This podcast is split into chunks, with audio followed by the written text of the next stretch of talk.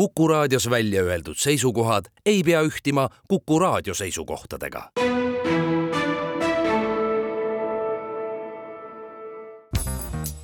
järjejutt. Jared Diamond, Murrang, kriisis riikide pöördepunktid, tõlkinud Madis Vodja Postimehe kirjastuselt. järjejutt. Indoneesia on rahvaarvult maailma neljas riik ja selle umbes kahtsada kuutekümmet miljonit elanikku edestavad vaid Hiina, India ja Ameerika Ühendriigid. see on maailma suurim moslemi enamusega riik, kus on rohkem islamiusulisi kui isegi Pakistanis, Bangladeshis või Iraanis. Nende faktide põhjal võiks eeldada, et Indoneesiale pööratakse Ameerika ja Euroopa ajalehtedes palju tähelepanu tegelikult paneb sõna moslem lääne inimesi mõtlema hoopis teistele riikidele, mis figureerivad lääne teadvuses Indoneesiast märksa enam. tänapäeval mainivad Ameerika ja Euroopa ajalehed seda riiki vaid aeg-ajalt, viimase viieteistkümne aasta jooksul mäletan ma Indoneesiat figureerimas esilehe uudistes vaid siis, kui kaks suurt maavärinat ja üks lennuõnnetus tapsid kahe tuhande kaheksateistkümnendal aastal hulga inimesi, kui kahe tuhande viieteistkümnendal aastal hukati hoolimata rahvusvahelistest protestidest mitu narkomuula, nende hulgas ka teiste riikide kodanikke kui kahe tuhande neljanda aasta tsunamis hukkus kakssada tuhat inimest ning kui kahe tuhande teisel aastal toimus paljude ohvritega Bali pommirünnak. see üldine tähelepanu vähesus tuleneb asjaolust, et tänapäeva Indoneesiat ei iseloomusta esilehtede uudistes kodusõjad, välismaale suunduvad terroristid või immigratsioonilained suur rikkus või meeleheitlik vaesus ega silmapaistev lärmamine rahvusvahelises poliitikas. kui me ameeriklastena üldse Indoneesiast mõtleme, kujutame ette meeldivate turismisihtkohtadega arengumaad, eelkõige kauneid vaateid ja randu ning pali hinduistlikke templeid, maailma uhkemaid korallrahusid ning parimaid sukeldumis- ja snorgeldamisvõimalusi ja kauneid patiktehnikas tekstiile käisin Indoneesias esimest korda tuhande üheksasaja seitsmekümne üheksandal aastal, alustades reisi hotellis, mille seinu kaunistasid Indoneesia ajaloost rääkivad maalid. USA-s võiks niisugune näitus hõlmata maale Ameerika revolutsioonist, kodusõjast, California kullapalavikust, mandrit läbivast raudteest ja muudest saja viiekümne kuni kahesaja viiekümne aasta tagustest sündmustest kuid Indoneesia hotelli fuajees kujutasid maalid vaid viimase kolmekümne viie aasta sündmusi. kõige rohkem maale oli pühendatud niinimetatud tuhande üheksasaja kuuekümne viienda aasta kommunistlikule revolutsioonile maalid ja nende all olevad tekstid kirjeldasid elavalt, kuidas kommunistid piinasid ja tapsid seitse kindralit ja kuidas üks kindral, keda kommunistid proovisid tappa, põgenes oma majast üle müüri, kuid tema viieaastast tütart tulistati kogemata ja ta suri paar päeva hiljem. näitus jättis mulje, et kindralite piinamine ja tapmine ning noore tüdruku hukkumine olid kõige jubedamad sündmused terves Indoneesia ajaloos näitus ei vihjanud kuidagi sellele, mis järgnes kindralite surmale. Indoneesia armee eestvedamisel mõrvati umbes pool miljonit indoneeslast. Nende tapmiste mainimata jätmine Indoneesia ajalugu kujutaval näitusel oli märkimisväärne lünk, sest kogu maailmas on Teise maailmasõja järgsete tapmiste hulgas vaid üksikud ületanud Indoneesia surmade arvu minu esimesele reisile järgnenud kahe kümnendi jooksul ei kuulnud ma oma paljude järgmiste pikkade Indoneesia reiside jooksul oma Indoneesia sõpru kordagi mainimas neid tapmisi, kuni valitsuse vahetuseni tuhande üheksasaja üheksakümne kaheksandal aastal.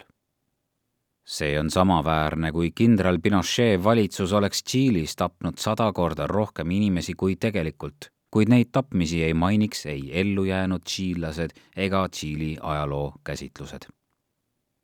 järgnevaid lehekülgi lugedes on kriisi ja muutuste teemade puhul hea pidada silmas Indoneesia ja Tšiili võrdlust.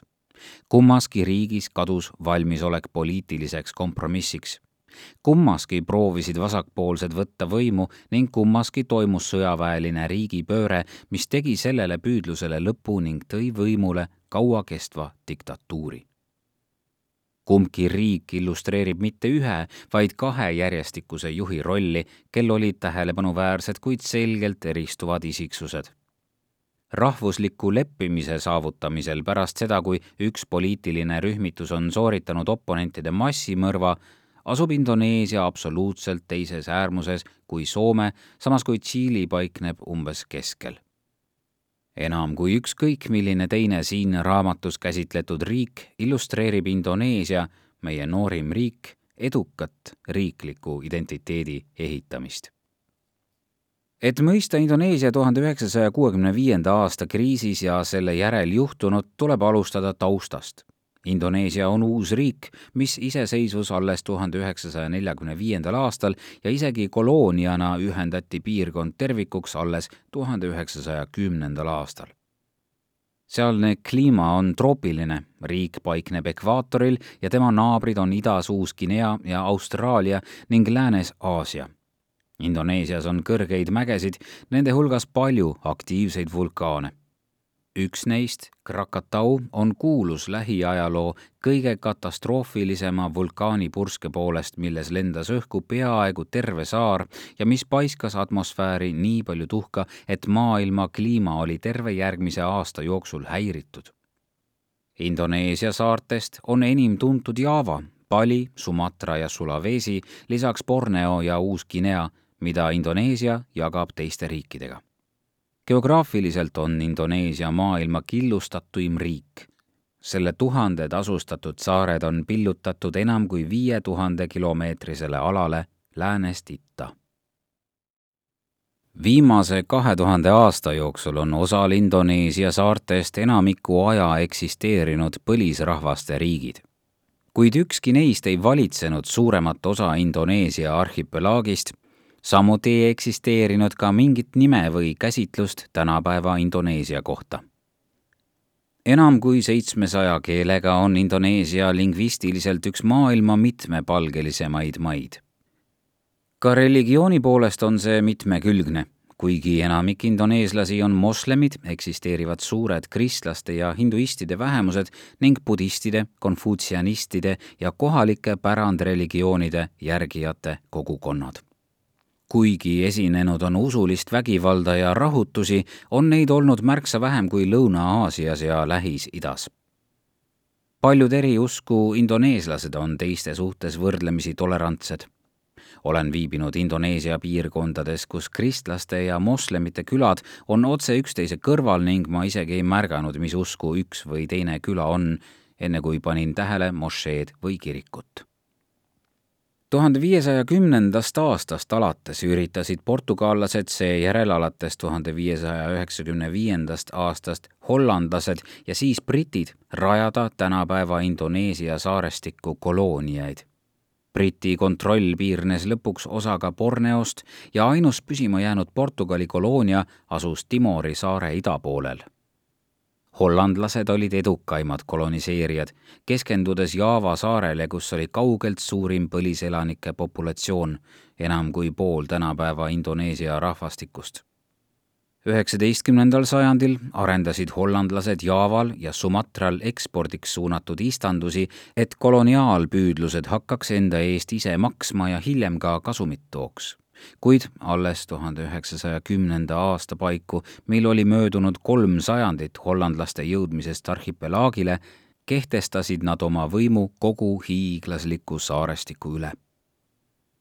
kui väikese osa arhipelaagist olid hollandlased läbi uurinud, näitab see, et alles tuhande üheksasaja kümnendal aastal avastas Hollandi kuberner, et Indoneesia idapoolsel Florese saarel ja lähemal asuval väikesel Komodo saarel elavad maailma suurimad sisalikud, keda hakati kutsuma komodo draakoniteks. kuigi nad võivad kasvada üle kolme meetri pikkuseks ja kaaluda sadakond kilo, ei avastanud eurooplased neid nelja sajandi jooksul tuleb rõhutada, et sõna Indoneesia ei eksisteerinud enne, kui üks eurooplane selle tuhande kaheksasaja viiekümnenda aasta paiku leiutas hollandlased kutsusid oma kolooniat Ida-Indiaks, madalmaade Ida-Indiaks või Hollandi Ida-Indiaks. arhipelaagi elanikel endal puudus ühine rahvuslik identiteet, ühtne keel või mingigi ühtsus, et panna hollandlastele vastu näiteks Java väed liitusid Hollandi sõduritega Java riikide vana rivaali Sumatra saare juhtiva riigi vallutamisel kahekümnenda sajandi alguses hakkas Hollandi koloniaalvalitsus püüdma muuta oma koloonias puhtalt ekspluateeritavat poliitikat enda sõnul eetiliseks poliitikaks ehk proovida lõpuks ka indoneeslaste heaks midagi ära teha. näiteks rajasid hollandlased koole, ehitasid Jaavale raudteid ja niisutussüsteeme, moodustasid kohalike omavalitsuse nõukogusid suuremates linnades ja proovisid leevendada Jaava ülerahvastatust toetades väljarännet hõredamalt asustatud välimistele saartele, vastupidiselt nende saarte põlisrahvaste soovidele. kuid need Hollandi eetilise poliitika katsed andsid piiratud tulemusi. osaliselt seetõttu, kuna Holland oli ise liiga väike, et Indoneesiasse ülemäära raha sisse panna ja osaliselt, kuna Hollandi ja hilisema iseseisva Indoneesia katsetele inimeste elujärge parandada, andis tagasilööke kiire rahvastiku juurdekasv, mis tekitas aina rohkem toitmist vajavaid suid. tänapäeval arvavad indoneeslased, et Hollandi kolonialismi negatiivsed mõjud kaaluvad kaugelt üles positiivsed umbes tuhande üheksasaja kümnenda aasta paiku hakkasid järjest suuremal hulgal madalmaade Ida-India elanikel tekkima rahvusliku eneseteadvuse alged. see tähendab, et nad hakkasid tundma, et nad ei ole lihtsalt konkreetse hollandlaste võimu all oleva sultanaadi elanikud mingis Java või Sumatra osas, vaid kuulusid suuremasse tervikusse nimega Indoneesia Need laiema kuuluvustundega indoneeslased jagunesid paljudesse eripärastesse, kuid sageli kattuvatesse inimrühmadesse. Java rühm, mis tundis kultuurilist üleolekut, islami liikumine, mis soovis Indoneesiale islami identiteeti, ametiühingud, kommunistlik partei, Hollandisse haridust saama saadetud Indoneesia tudengid ja teised see tähendab, et Indoneesia iseseisvusliikumine oli killustunud ideoloogilisi ja religioosseid jooni pidi, kuulutades ette Indoneesiat pärast iseseisvumist kummitama jäävaid probleeme. tulemuseks polnud mitte ainult hollandlaste vastu suunatud streigid, vandenõud ja agitatsioon, vaid ka indoneeslaste vahelised konfliktid, mis kõik muutis olukorra väga segaseks hollandlaste vastane tegevus jõudis siiski punkti, kus tuhande üheksasaja kahekümnendatel hakkas Holland rakendama repressioonipoliitikat ja saatis paljud juhid koonduslaagritesse, kaugetesse kõrge haigusriskiga madalmaade Uus-Guinea piirkondadesse.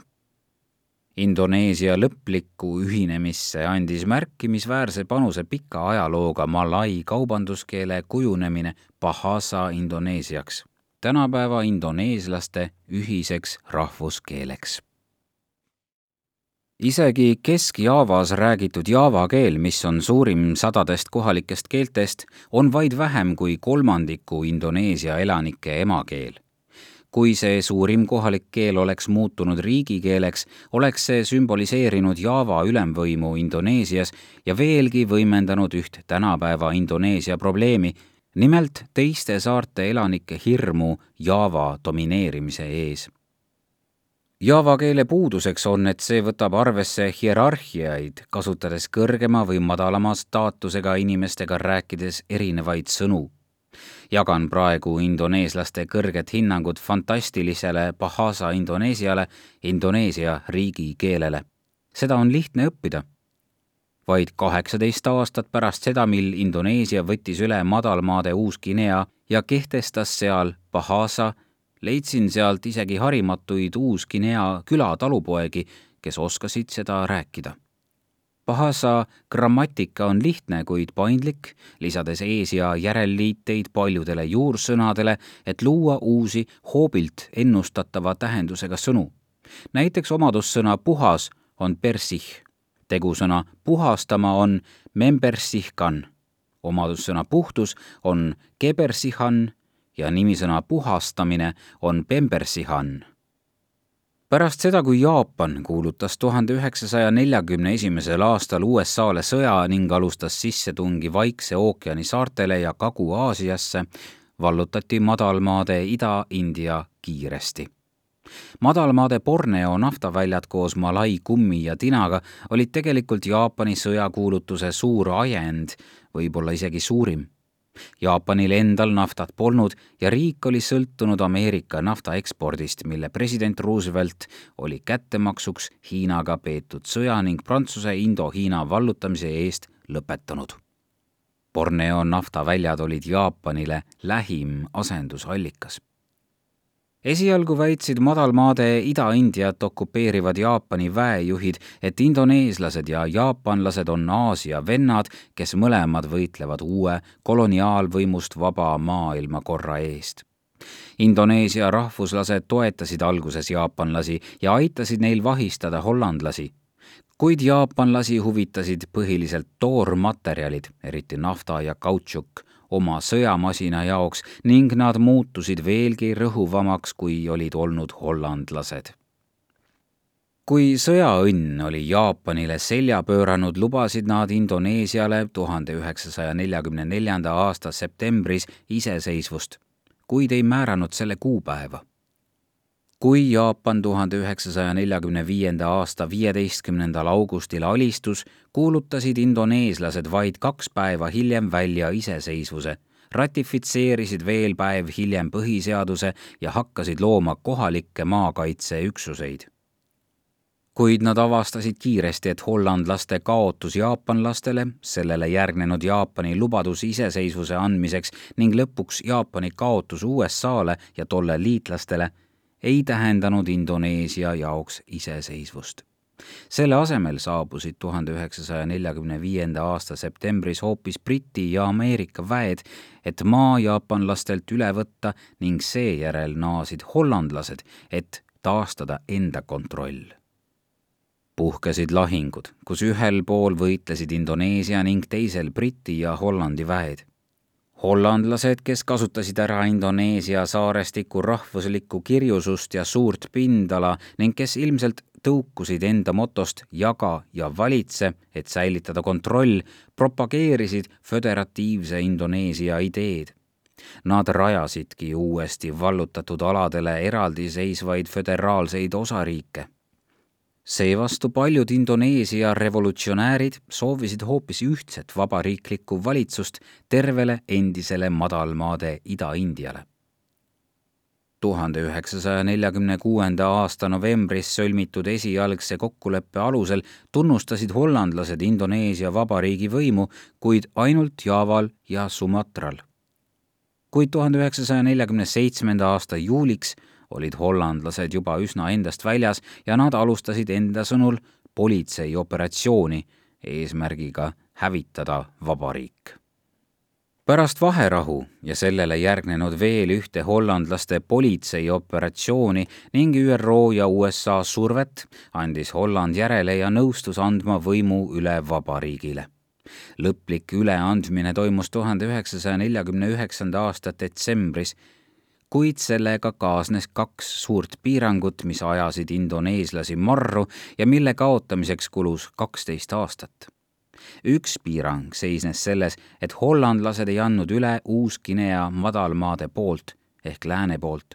Nad jätsid selle hoopis Hollandi võimu alla, väites, et tegu on poliitiliselt märksa vähem arenenud piirkonnaga kui ülejäänud madalmaade Ida-India see ei ole kaugeltki valmis iseseisvuseks ja et enamik uusginealasi on enamikust indoneeslastest etniliselt sama erinevad kui mõlemad rahvusrühmad eurooplastest.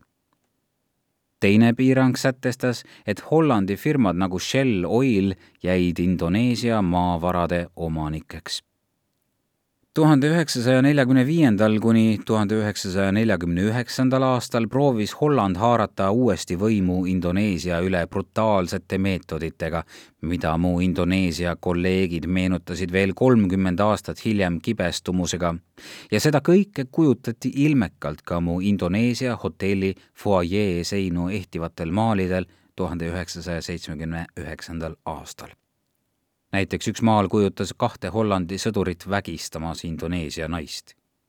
samal ajal kasutasid indoneeslased teistsuguseid brutaalseid meetodeid teiste indoneeslaste vastu, sest ka Indoneesias endas oli märgatavalt palju vastuseisu vabariigile, mida paljud riigi ida-indoneeslased ja sumatralased pidasid Jaava ülemvõimuks kuulsin veel tuhande üheksasaja kaheksakümnendatel oma mittejaavalastest Indoneesia sõpradelt palju nurinat ja soovi poliitiliseks eraldumiseks. ka Indoneesia kommunistid olid vabariiklike juhtide vastu. see kulmineerus tuhande üheksasaja neljakümne kaheksanda aasta revolutsiooniga, mille vabariiklik armee maha surus, tappes vähemalt kaheksa tuhat kommunisti. eelmaik sellest mis toimus pärast tuhande üheksasaja kuuekümne viienda aasta läbi kukkunud riigipöördekatset märksa suuremas ulatuses. uus riik seisis silmitsi sandistavate probleemidega, mis olid kandunud üle iseseisvuseelsest ajast ja millest osa nüüd vaid süvenesid endise Hollandi huvides hollandlaste valitsetud kolooniana alustas Indoneesia oma eksistentsi suuresti alaarendatud majandusega. rahvastiku kasv tuhande üheksasaja kuuekümnendatel aastatel peaaegu kolm protsenti aastas jätkas ka pärast iseseisvumist majandusele tugeva surve avaldamist, nagu oli olnud Hollandi ajal paljudel indoneeslastel puudus endiselt rahvuslik identiteet ja nad pidasid end endiselt jaavalasteks, malukulasteks, sumatralasteks või mõne muu piirkondliku rahvusrühma osaks, mitte indoneeslasteks. Indoneesia keel, mis lõpuks andis suure panuse rahva ühendamisse, ei olnud veel laialt levinud, selle asemel kasutati seitsetsadat kohalikku keelt Neil, kes pidasid end indoneeslasteks, olid erinevad arusaamad riigi tulevikust. osa Indoneesia islamijuhte soovis, et Indoneesiast saaks islamiriik. Indoneesia kommunistlik partei tahtis, et riigist saaks kommunistlik riik mõned mitte-jaavalastest indoneeslased tahtsid kas suurt piirkondlikku autonoomiat või lausa iseseisvust ning korraldasid kohalikke ülestõuse, mille vabariigi sõjavägi lõpuks maha surus. sõjavägi ise oli lõhede ja arutelude fookuses kas nii nagu teisi demokraatiaid peaks sõjaväge kontrollima tsivilistidest poliitikud, keda Indoneesia ohvitserid üha vähem usaldasid? Või peaks sõjavägi olema sõltumatum ja ajama oma poliitikat?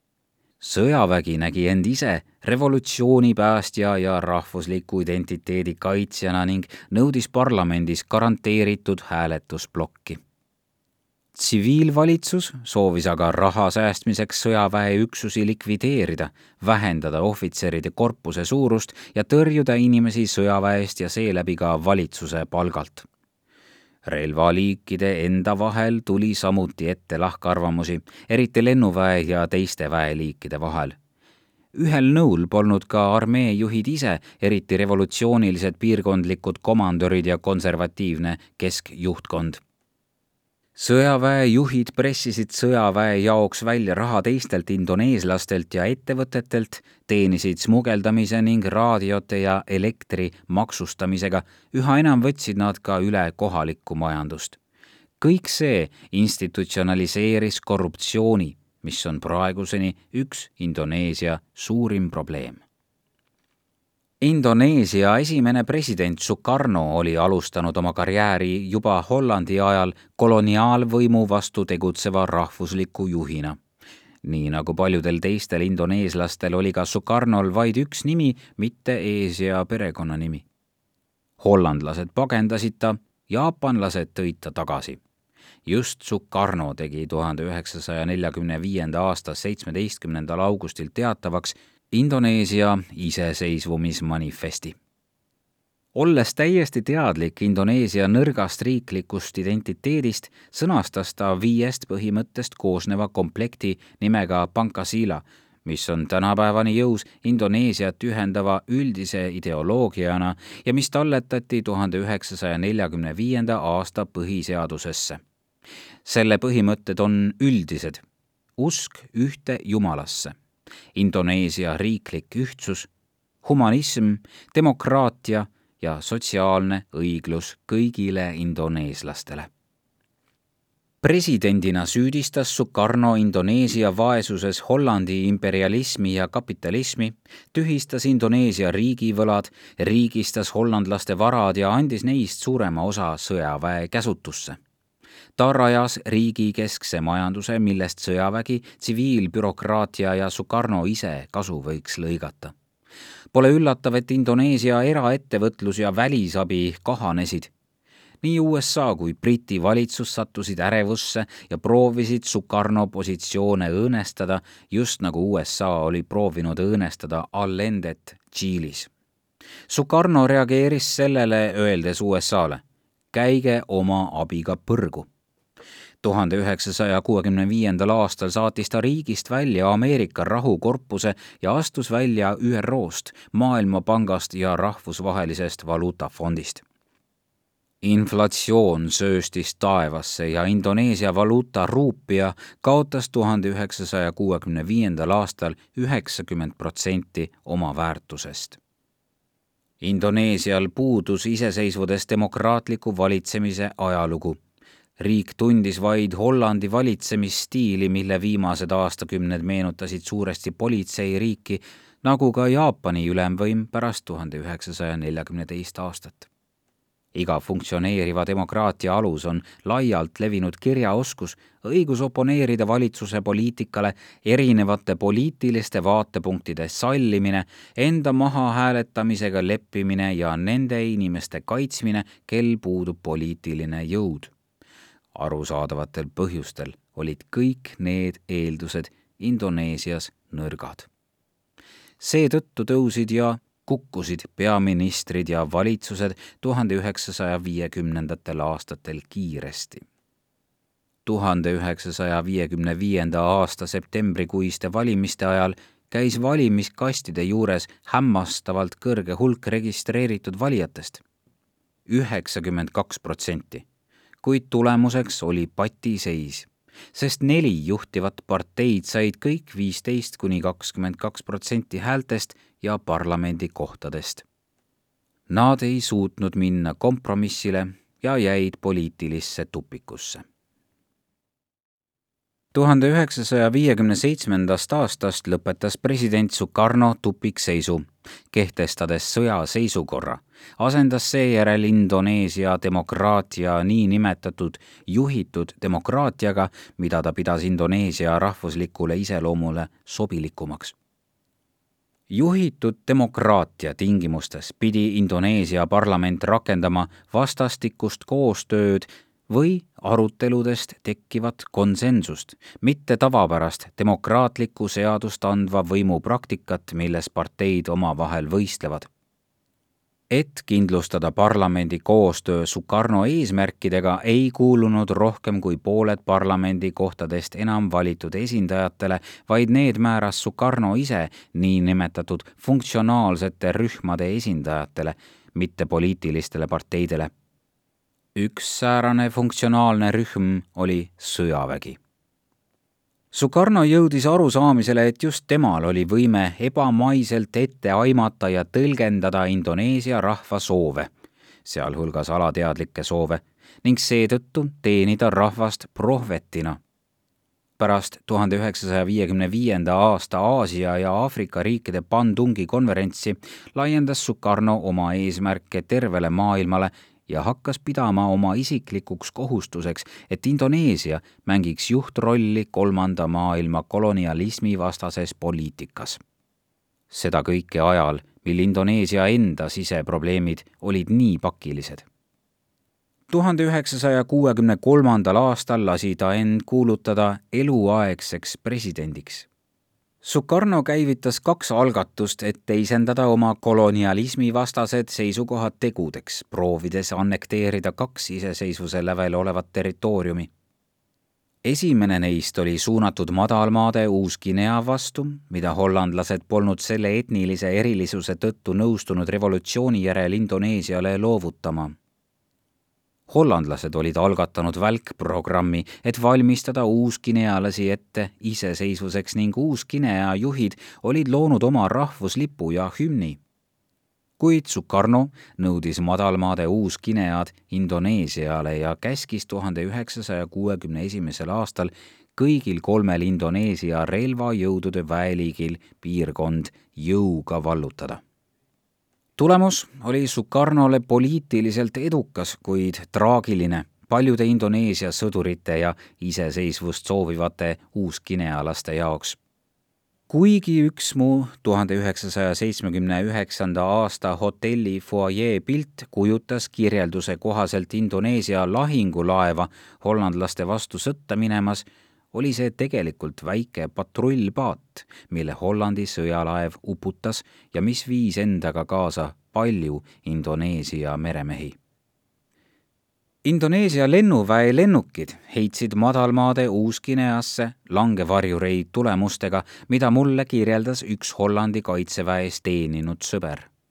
Eeldatavalt hirmust Hollandi õhutõrjetegevuse ees päevasel ajal pidid langevarjurid hüppama öösel pimesi metsaga kaetud alale, mis on erakordselt julm tegu õnnetud langevarjurid liuglesid kuuma, sääskedest kubisevasse saagopalmi sohu, kus maandumise üle elanud leidsid end langevarju pidi saagopuu otsas kõlkumast.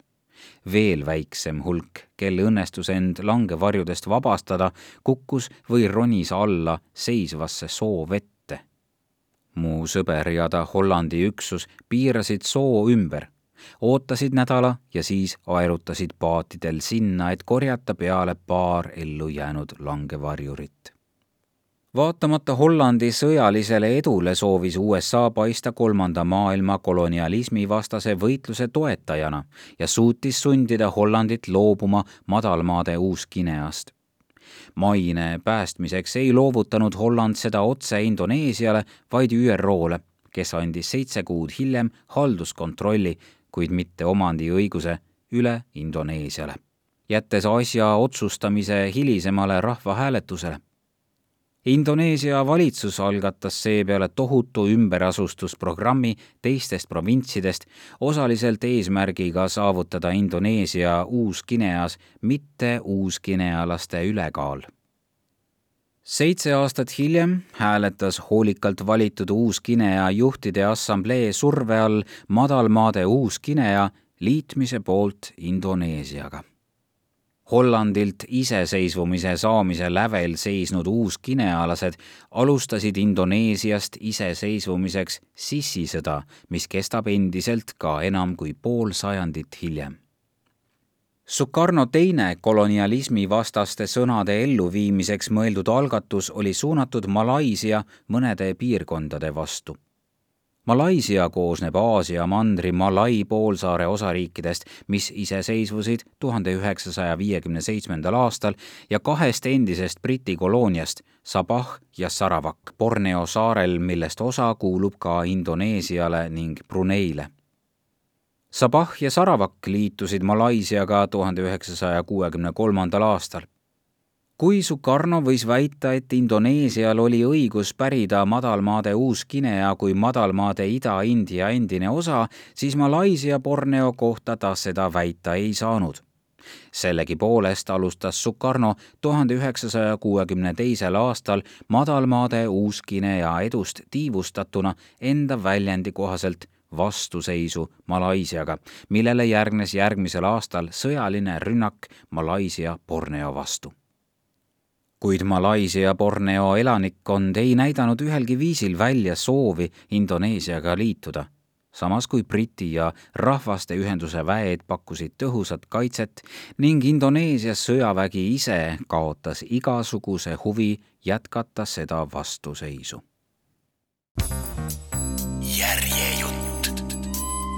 Jared Diamond, Murrang, kriisis riikide pöördepunktid, tõlkinud Madis Vodja Postimehe kirjastuselt.